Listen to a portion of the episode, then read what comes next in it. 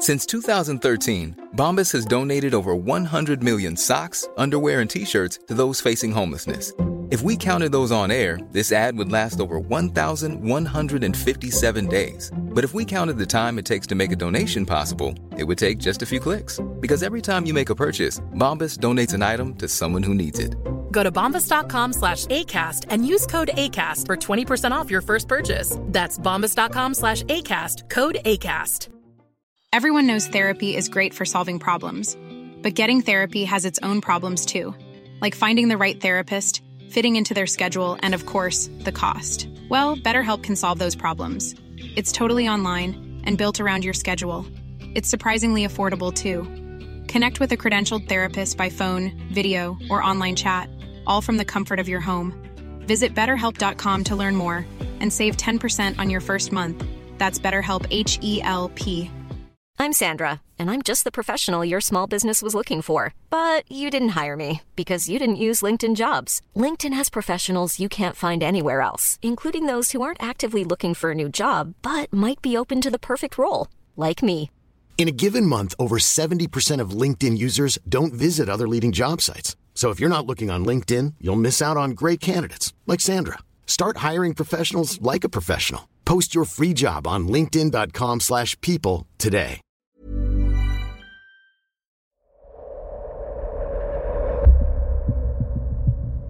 For første gang på 50 år er Israel i krig. Helt overraskende tok Hamas-terrorister seg inn i Israel lørdag via bakke, luft og sjø. Dødstallene har passert 700 på israelsk side, og over 100 personer er kidnappet og tatt inn i Gaza. Mitt navn er Ingjerd Våge Engeseth. Jeg er reportasjeleder i Dagen, og jeg sitter her med Vebjørn Selbekk, sjefsredaktør. Dette er en dagens spesialpodkast om situasjonen i Israel akkurat nå.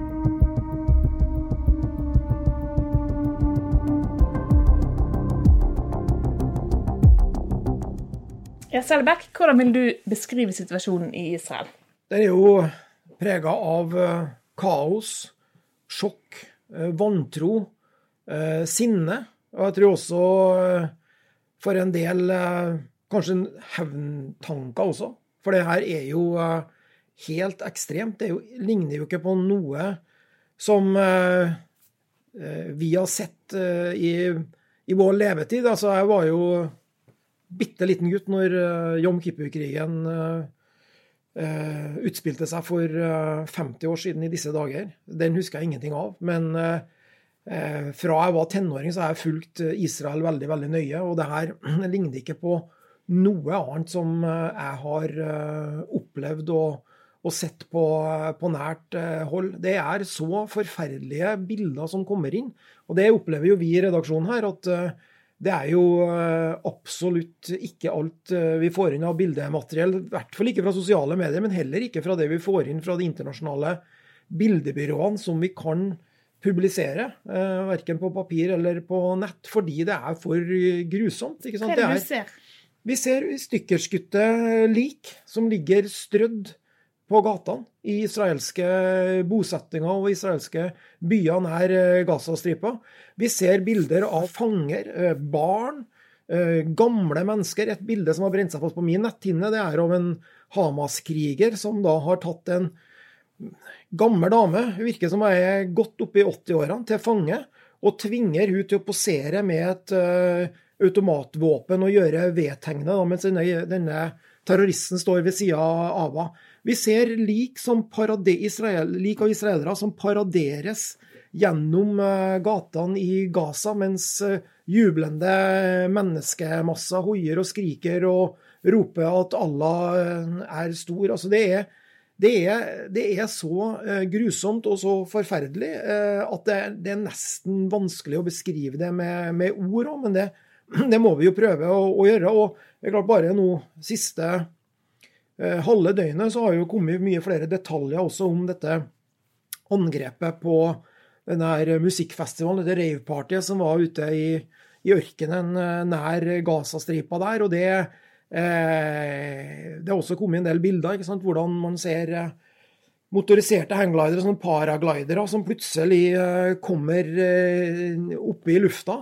Eh, og biler og motorsykler som, som nærmer seg. Og så snakkes det nå altså om at det er eh, dødstall på 260 bare på den ene plassen.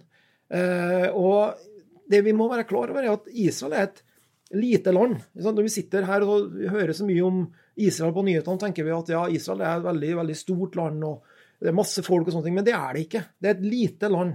Uh, og det er ikke en veldig høyt innbyggertall der. sånn at når, når, man får tapstall av, av det her antallet, når man har da israelske reservister som blir innkalt til tjeneste, så er dette noe som påvirker hele israelske samfunnet. Det er stort sett sånn at alle kjenner noen som er involvert enten ramma eh, eller eh, er, eh, er nå satt inn i, i, i kamphandlingene og i, i, det større militære mobiliseringa som, som, foregår. Og så har du jo da det kanskje, kanskje aller, aller verste er jo gisselsituasjonen. Mm. Som, som, der man regner med at i hvert fall over 100, kanskje enda mange flere, er nå Hamas sine gisler inne på Gazastripa. Og eh, Man kan tenke seg bare hvilke redselsscener de går igjennom. Og her snakker vi altså om barn, eh, kvinner, eh, gamle mennesker som, som altså er, er, tatt til fange og er nå i, i disse terroristenes vold inne på, på fiendtlig territorium. Hvis vi skal begynne å snakke litt om gislene først, da. Det har jo hendt at israelere har blitt tatt som gisler før, men gjerne aldri så stort antall. Kan du si litt om hvordan påvirker det dynamikken og situasjonen? Ja, det, som, det som er, er, veldig viktig å være klar over, det er at i den israelske samfunnet så er det en slags type sosial kontrakt mellom, eh, mellom eh, Forsvaret og, eh, og, det sivile samfunnet. Der det er sånn at Israel har jo en helt enestående form for militærtjeneste som man ikke har egentlig noe annet sted i verden.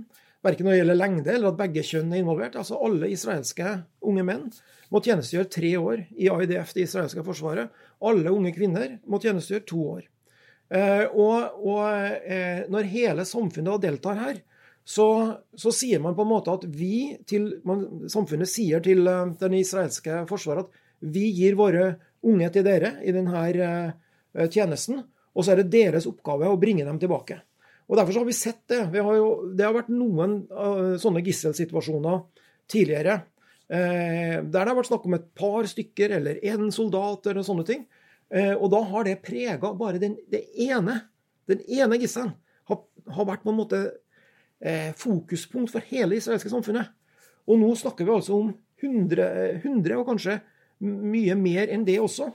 Så, og, man, og, og, en annen ting som man jo ikke har snakket om, er alle de døde eh, kroppene, likene, som, som, av israelere som man også har tatt med seg tilbake inn på Gazastripa.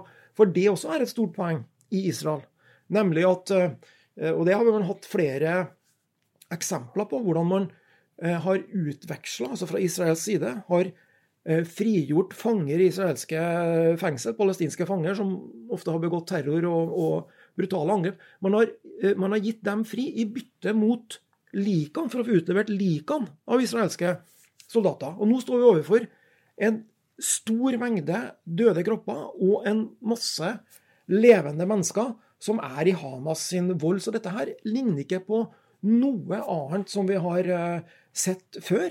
Og uh, vil kunne koste det israelske samfunnet veldig, veldig mye. Men jeg tror at jeg tror ikke at det er først og fremst gjennom fangeutveksling Eh, at man kommer til å se en løsning på denne situasjonen. Jeg tror at Israel eh, vurderer kommer til å satse på militære midler for å få løslatt eh, disse fangene. Jeg tror at det på et eller annet tidspunkt, og kanskje ikke om veldig lenge, kommer en type bakkeoperasjoner fra Israel inn på Gazastripa. Men vil ikke det da øke sjansen for at de blir tatt livet av?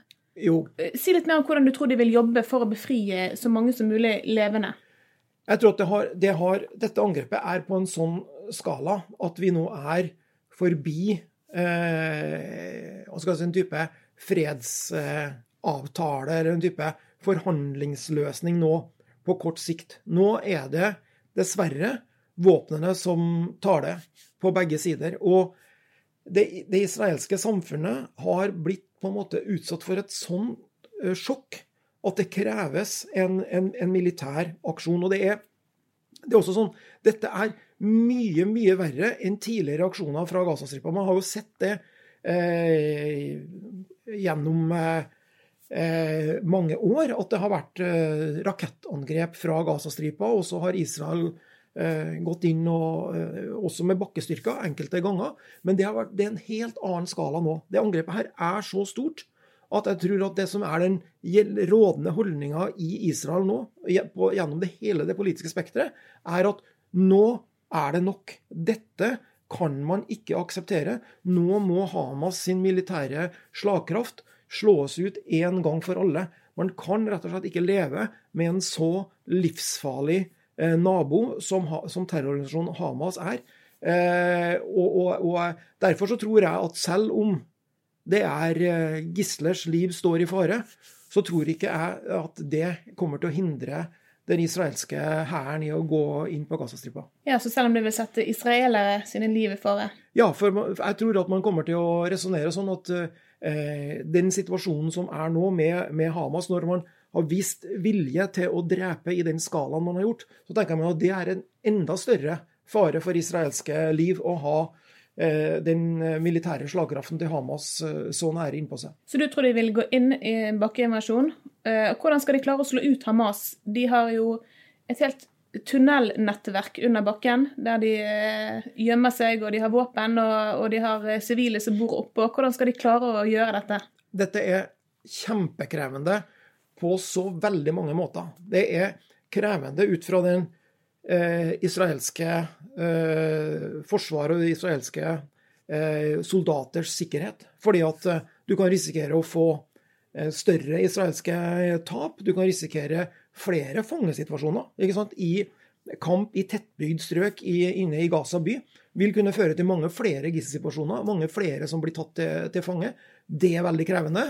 Og det er også krevende ut fra et, si, et humanitært uh, synspunkt at uh, det er uh, kamper i sivile nabolag. Det er en masse sivile palestinere som Israel ikke er i krig med, som Israel ikke ønsker å skade, men som man står eh, i fare selvfølgelig for å påføre store tapstall også på palestinske sivile som ikke har tatt opp våpen mot Israel og ikke har drevet terror mot Israel. Så dette er en meget, meget kompleks militær operasjon men eh, IDF har jo, IDF som er den israelske eh, forsvarsstyrkene, har jo erfaring med det tidligere. Man har gått inn på Gazastripa ved, ved flere anledninger eh, siden Gaza ble selvstyrt i 2005.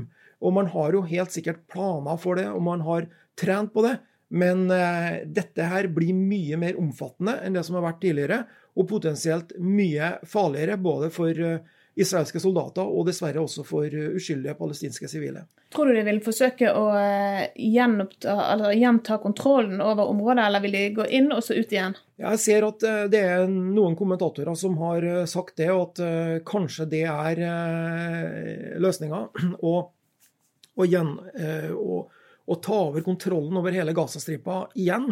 Jeg personlig tror ikke at det er noen ting som, eh, som eh, regjeringa til Netanyahu og, og ansvarlige israelske myndigheter er så veldig eh, syns er en så veldig god løsning. Fordi at det er en grunn til at man trakk seg ut derfra. Det er man, i, Gaza så har man altså med to, over to millioner mennesker å gjøre, to millioner palestinere som bor der inne. Og det å ha israelske soldater stående over tid inn på Gazastripa er et stort problem både for Israel og selvfølgelig for, for, for palestinerne. Så jeg tror ikke det er en varig løsning, men at man kan se for seg det på kort sikt. At man, at man tar kontrollen på Gazastripa, ja. Men jeg tror ikke man blir stående der. Litt tilbake til, Du nevnte Jom Kippur-krigen. Det er jo 50 år siden. og Dette angrepet skjedde jo dagen altså 50 år og én dag etter eh, Israel forrige gang var i krig. Si litt om hvordan dette i all verden kunne skje. Ja, det, det, det er jo et helt eh, Det er jo helt ufattelig. Jeg, jeg, har, jeg har, ikke klart å egentlig å få tatt det inn over meg, hvordan dette kunne skje. Vi snakker altså om et av de mest moderne, sofistikerte forsvarene i verden. Eh, når vi snakker om IDF, de israelske forsvarsstyrkene. Altså, man er Det er høyteknologikrigføring som bare USA og, og, og, noen andre militære styrker i verden kan sammenlignes med. Og Gazastripa, grensa til Gaza, er også overvåka med gjerde, fysiske barrierer, med sensorer, med droner, med satellittbilder. Og hvordan dette skal være mulig, og eh, at man altså har klart å forberede et sånt angrep og avfyre flere tusen raketter mot Israel i løpet av så kort tid, og ikke minst bryte seg gjennom og inn, inn på israelsk territorium og klare å holde israelsk territorium i, i, eh, over et døgn i, eh, i, flere tilfeller her, det fremstår som fullstendig uforståelig. Det er en, det er en etterretningskatastrofe og en overvåkningskatastrofe som Israel knapt har sett, eh, sett noe lignende. Man kan kanskje trekke en en eh, parallell til nettopp Jom Kippur-krigen for 50 år siden, der daværende statsminister Golda Meir også ble tatt på senga av eh, at egyptiske og, eh, og syriske styrker angrep på den helligste dagen i, i, den jødiske kalenderen. og Da så det også mørkt ut for, for Israel. Men, men man huske på at for 50 år siden så var det israelske samfunnet noe helt annet. Og ikke minst IDF, de israelske styrkene, var noe helt annet. Man hadde ikke denne typen Eh, high-tech-overvåkning. Man hadde ikke denne typen ekstremt godt utbygd eh, etterretning. Altså Israel har jo, har jo hele tida, har vi trodd i hvert fall, hatt oversikt over hva som skjedde på, på Gazastripa. Når det var oppbygning av, av, av styrker, når det var angrep nært forestående, så visste Israel det. Man hadde eh, humanetterretning. Altså man hadde agenter, utro tjenere inne i det i, i, på de palestinske områdene, i Hamas-ledelsen. Alt dette har vi vært sikre på at dette har Israel kontroll på. Og så kollapser alt sammen. Og det er jo den ene delen av det. Altså man ikke så at angrepet kom. Men når angrepet kom, at man da heller ikke har hatt den eh, styrkemobiliseringa på plass, sånn at man kunne ha tatt ut disse terroristene i stedet for at en lang rekke israelske lokalsamfunn og byer har blitt angrepet og faktisk blitt holdt av eh, Hamas-terrorister over eh, både timer og, i visse tilfeller over et døgn. Det er jo helt utrolig. Altså, her har, man, har vi hørt historier om hvordan israelske familier i, i bosettinger og kibbutzer har sittet og ringt media for å få hjelp, fordi at Forsvaret kommer ikke, politistyrkene kommer ikke. Det lusker eh, palestinske terrorister utenfor. I visse tilfeller har de jo, eh, når folk har barrikadert dørene sine eh, med terrorister utenfor, så har man jo opplevd hvordan de har satt fyr på huset, og på den måten fått dem ut og, og, og drept dem etterpå. Eh, og dette skal kunne pågå inne på israelsk territorium, eh, som eh, et, et, et, en nasjon som bruker så mye ressurser på forsvar, og, og, har hatt et så eh, godt forsvar, har vi trodd. Det er komplett uforståelig. Og dette her, det eh, kommer til å prege det israelske samfunnet i lang tid. Eh, På hvilken måte? Jeg tror jo ikke at uh, statsminister Benjamin Netanyahu uh, på sikt kan overleve dette politisk. fordi at dette har skjedd på hans vakt. Uh, han, Noe av hans største politiske kapital har jo vært at den israelske befolkninga har sett på han som en, som en slags eh, grunnsten for eh, sikkerhet og trygghet. Ja, det har vært mye spetakler rundt den, men han har vært tøff, han har vært eh, fast. Han har sørga for sikkerhet, han har vært hard mot terrorister. Eh, og, har, han, og, Man har alltid trodd at Israels sikkerhet er hans første prioritet, og han kan vi stole på. Det bildet har nå krakelert eh, totalt. Eh, og det verste terroraksjonen i Israels historie. Man har hatt kriger som har krevd like mye menneskeliv, men man har ikke hatt noen av denne typen aksjoner eh, fra terrorister som har vært i nærheten av å ha utstilt seg på den måten som Hamas-angrepet gjorde. Og, og det mange stiller seg spørsmål om, og jeg også, er jo i hvor stor grad den uroen som har prega det israelske samfunnet nå i, eh, gjennom hele 2023, hvor stor eh, del av, eh, av denne sikkerhets...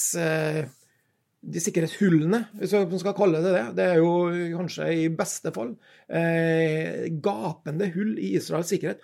Hvordan det har kunnet eh, oppstå. Mange vil, vil, peke på det at eh, her har det vært eh, demonstrasjoner, det har vært en polarisering av det israelske samfunnet, som også har påvirka det israelske militæret. Man har jo opplevd hvordan eh, folk i reservestyrkene, som Israel er veldig veldig avhengig av ved mobilisering i sånne tilfeller som dette her, har sagt at eh, vi mener Netanyahu er i ferd med å svekke det israelske demokratiet. Vi ønsker ikke lenger å tjenestegjøre i i reservestyrkene. Så spørsmålet er har dette her også fått påvirka det israelske forsvaret. Eh, Israels forsvarsminister eh, Galant har jo vært eh, prøvd avsatt. Netanyahu ønska avsatt den, eh, klarte ikke det, måtte ta han eh, tilbake igjen. Har all denne uroen vært med på å, på å, eh, å skapt de problemene og, og, den lammelsen som det virker som IDF har, har lidd av? Det spørsmålet er veldig ubehagelig, men det må Netanyahu eh, svare på etter hvert. Jeg tror ikke han må svare på det nå. Mm. For nå eh, kommer eh, det israelske samfunnet til å stå sammen mot den ytre fienden som man nå har.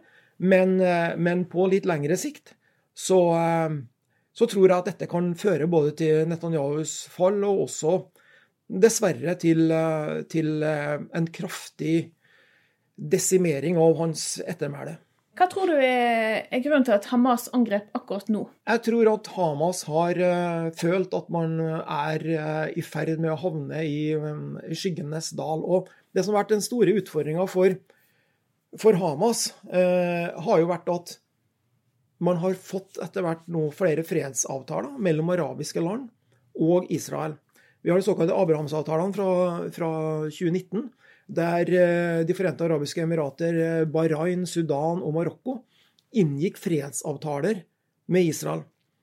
Og eh, nå, de siste, bare siste månedene, så hører vi jo om hvordan også Saudi-Arabia og Israel er i samtaler om en varig fred mellom, mellom de to landene. Og det er jo en det ville jo vært en historisk eh, fredsavtale på så mange måter. altså det det mest innflytelsesrike muslimske landet, eh, Saudi-Arabia, eh, danner fred med den jødiske staten. ikke Det landet der eh, de, de, de, to landene der de tre monoteistiske verdensreligionene har oppstått, uh, slutter fred. Altså det, er, det, er, det, er, så store vyer over det at uh, mens, mens, det Hamas, og delvis også Fatah og andre i den palestinske eh, som representerer det palestinske folket de har følt at eh, disse fredsavtalene er med på å putte den palestinske saken lenger ned, skyver den lenger ned på den internasjonale dagsorden.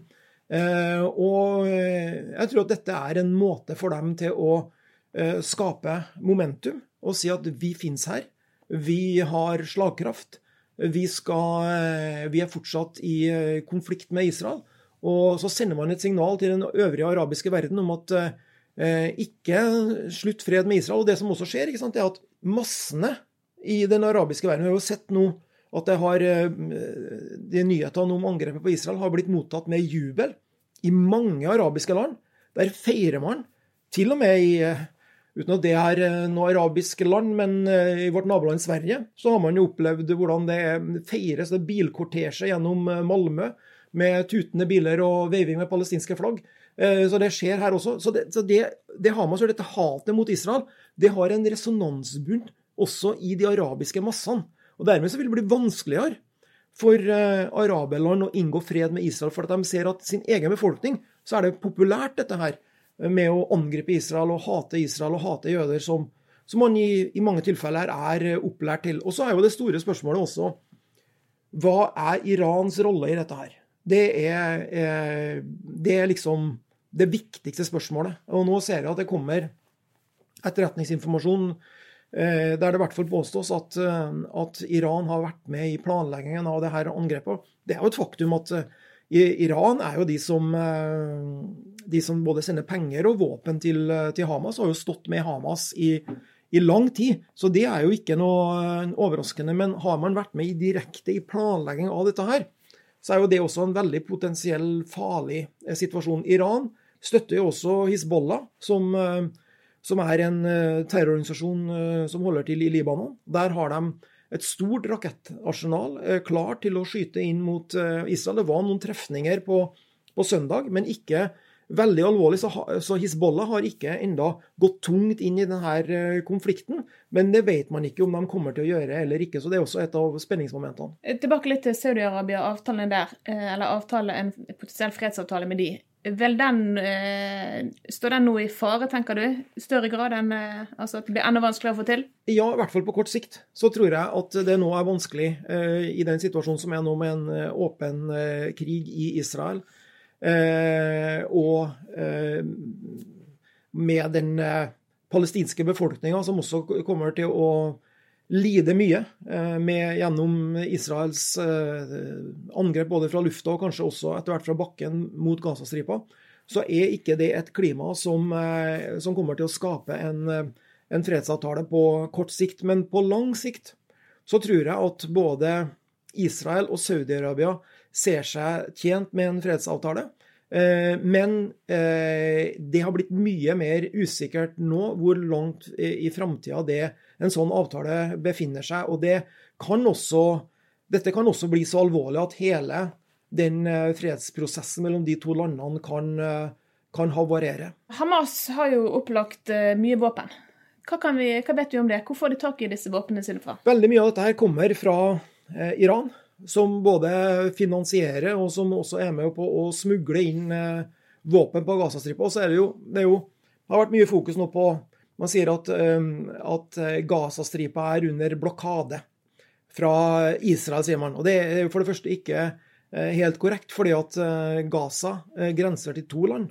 Det grenser både til Israel og til Egypt. Og, det, og Egypt jo, har jo den samme religionen som man har på Gazastripa, og er, er det samme folket, det arabiske folket. Men dem òg mener at eh, Hamas er en terrororganisasjon, og man kan ikke, man kan ikke behandle det som hvilket som helst annet landområde. Derfor har de også en, en blokade. og eh, Hensikten med en blokade er jo nettopp for å hindre det som vi har sett, eh, det som vi så på lørdag eh, morgen, med, med, flere tusen raketter som eh, skytes inn mot Israel. Fordi at hvis man ikke har kontroll, så er det nettopp dette som skjer. Da får man inn våpen på Gazastripa som eh, Hamas kommer til å bruke mot eh, Israel. Og dette er en organisasjon som, som virker som menneskeliv er totalt irrelevant for dem. Fordi at man er klar over at de fyrer av disse eh, rakettene fra inne i boligområder. Altså, man bruker altså et av verdens mest befolka, tettest befolka område som et eneste stort, som eneste stor utskytingsrampe for raketter. Og det er klart at da er Israel er nødt til å ta ut de rakettbasene som, som brukes for å ramme den israelske sivilbefolkninga. Og dermed så, så, rammes også palestinere. Men jeg tror at Hamas egentlig ønsker det. Altså At det er store tapstall eh, inn på Gazastripa. Det er ikke så gærent for Hamas, det. Så de for, bryr ikke seg om sin egen sivilbefolkning? Nei, det, det, du sier? For dem blir sin egen Nei, hvis de hadde gjort det, så hadde de jo ikke brukt eh, boligområder til å avfyre raketter, hvis de hadde vært opptatt av sin egen sivilbefolkning. Men for dem så er det at Israel slår tilbake og slår hardt tilbake, og det blir store tapstall på palestinsk side, det er i deres interesse. De ønsker høye tapstall. De ønsker at eh, Israel skal bli anklaga av verdenssamfunnet for å bruke eh, makt mot, eh, mot sivilbefolkning. Så, så dette er en dette, er en terrororganisasjon som nå gjennom dette siste angrepet har vist seg at de ligner på, eh, på IS ganske mye. Altså, de har ideologien felles. Den, den, ekstreme islamistiske ideologien. Og nå har dette siste angrepet vist at de har faktisk også brutaliteten og bestialiteten til felles med IS. Hva er det de vil oppnå?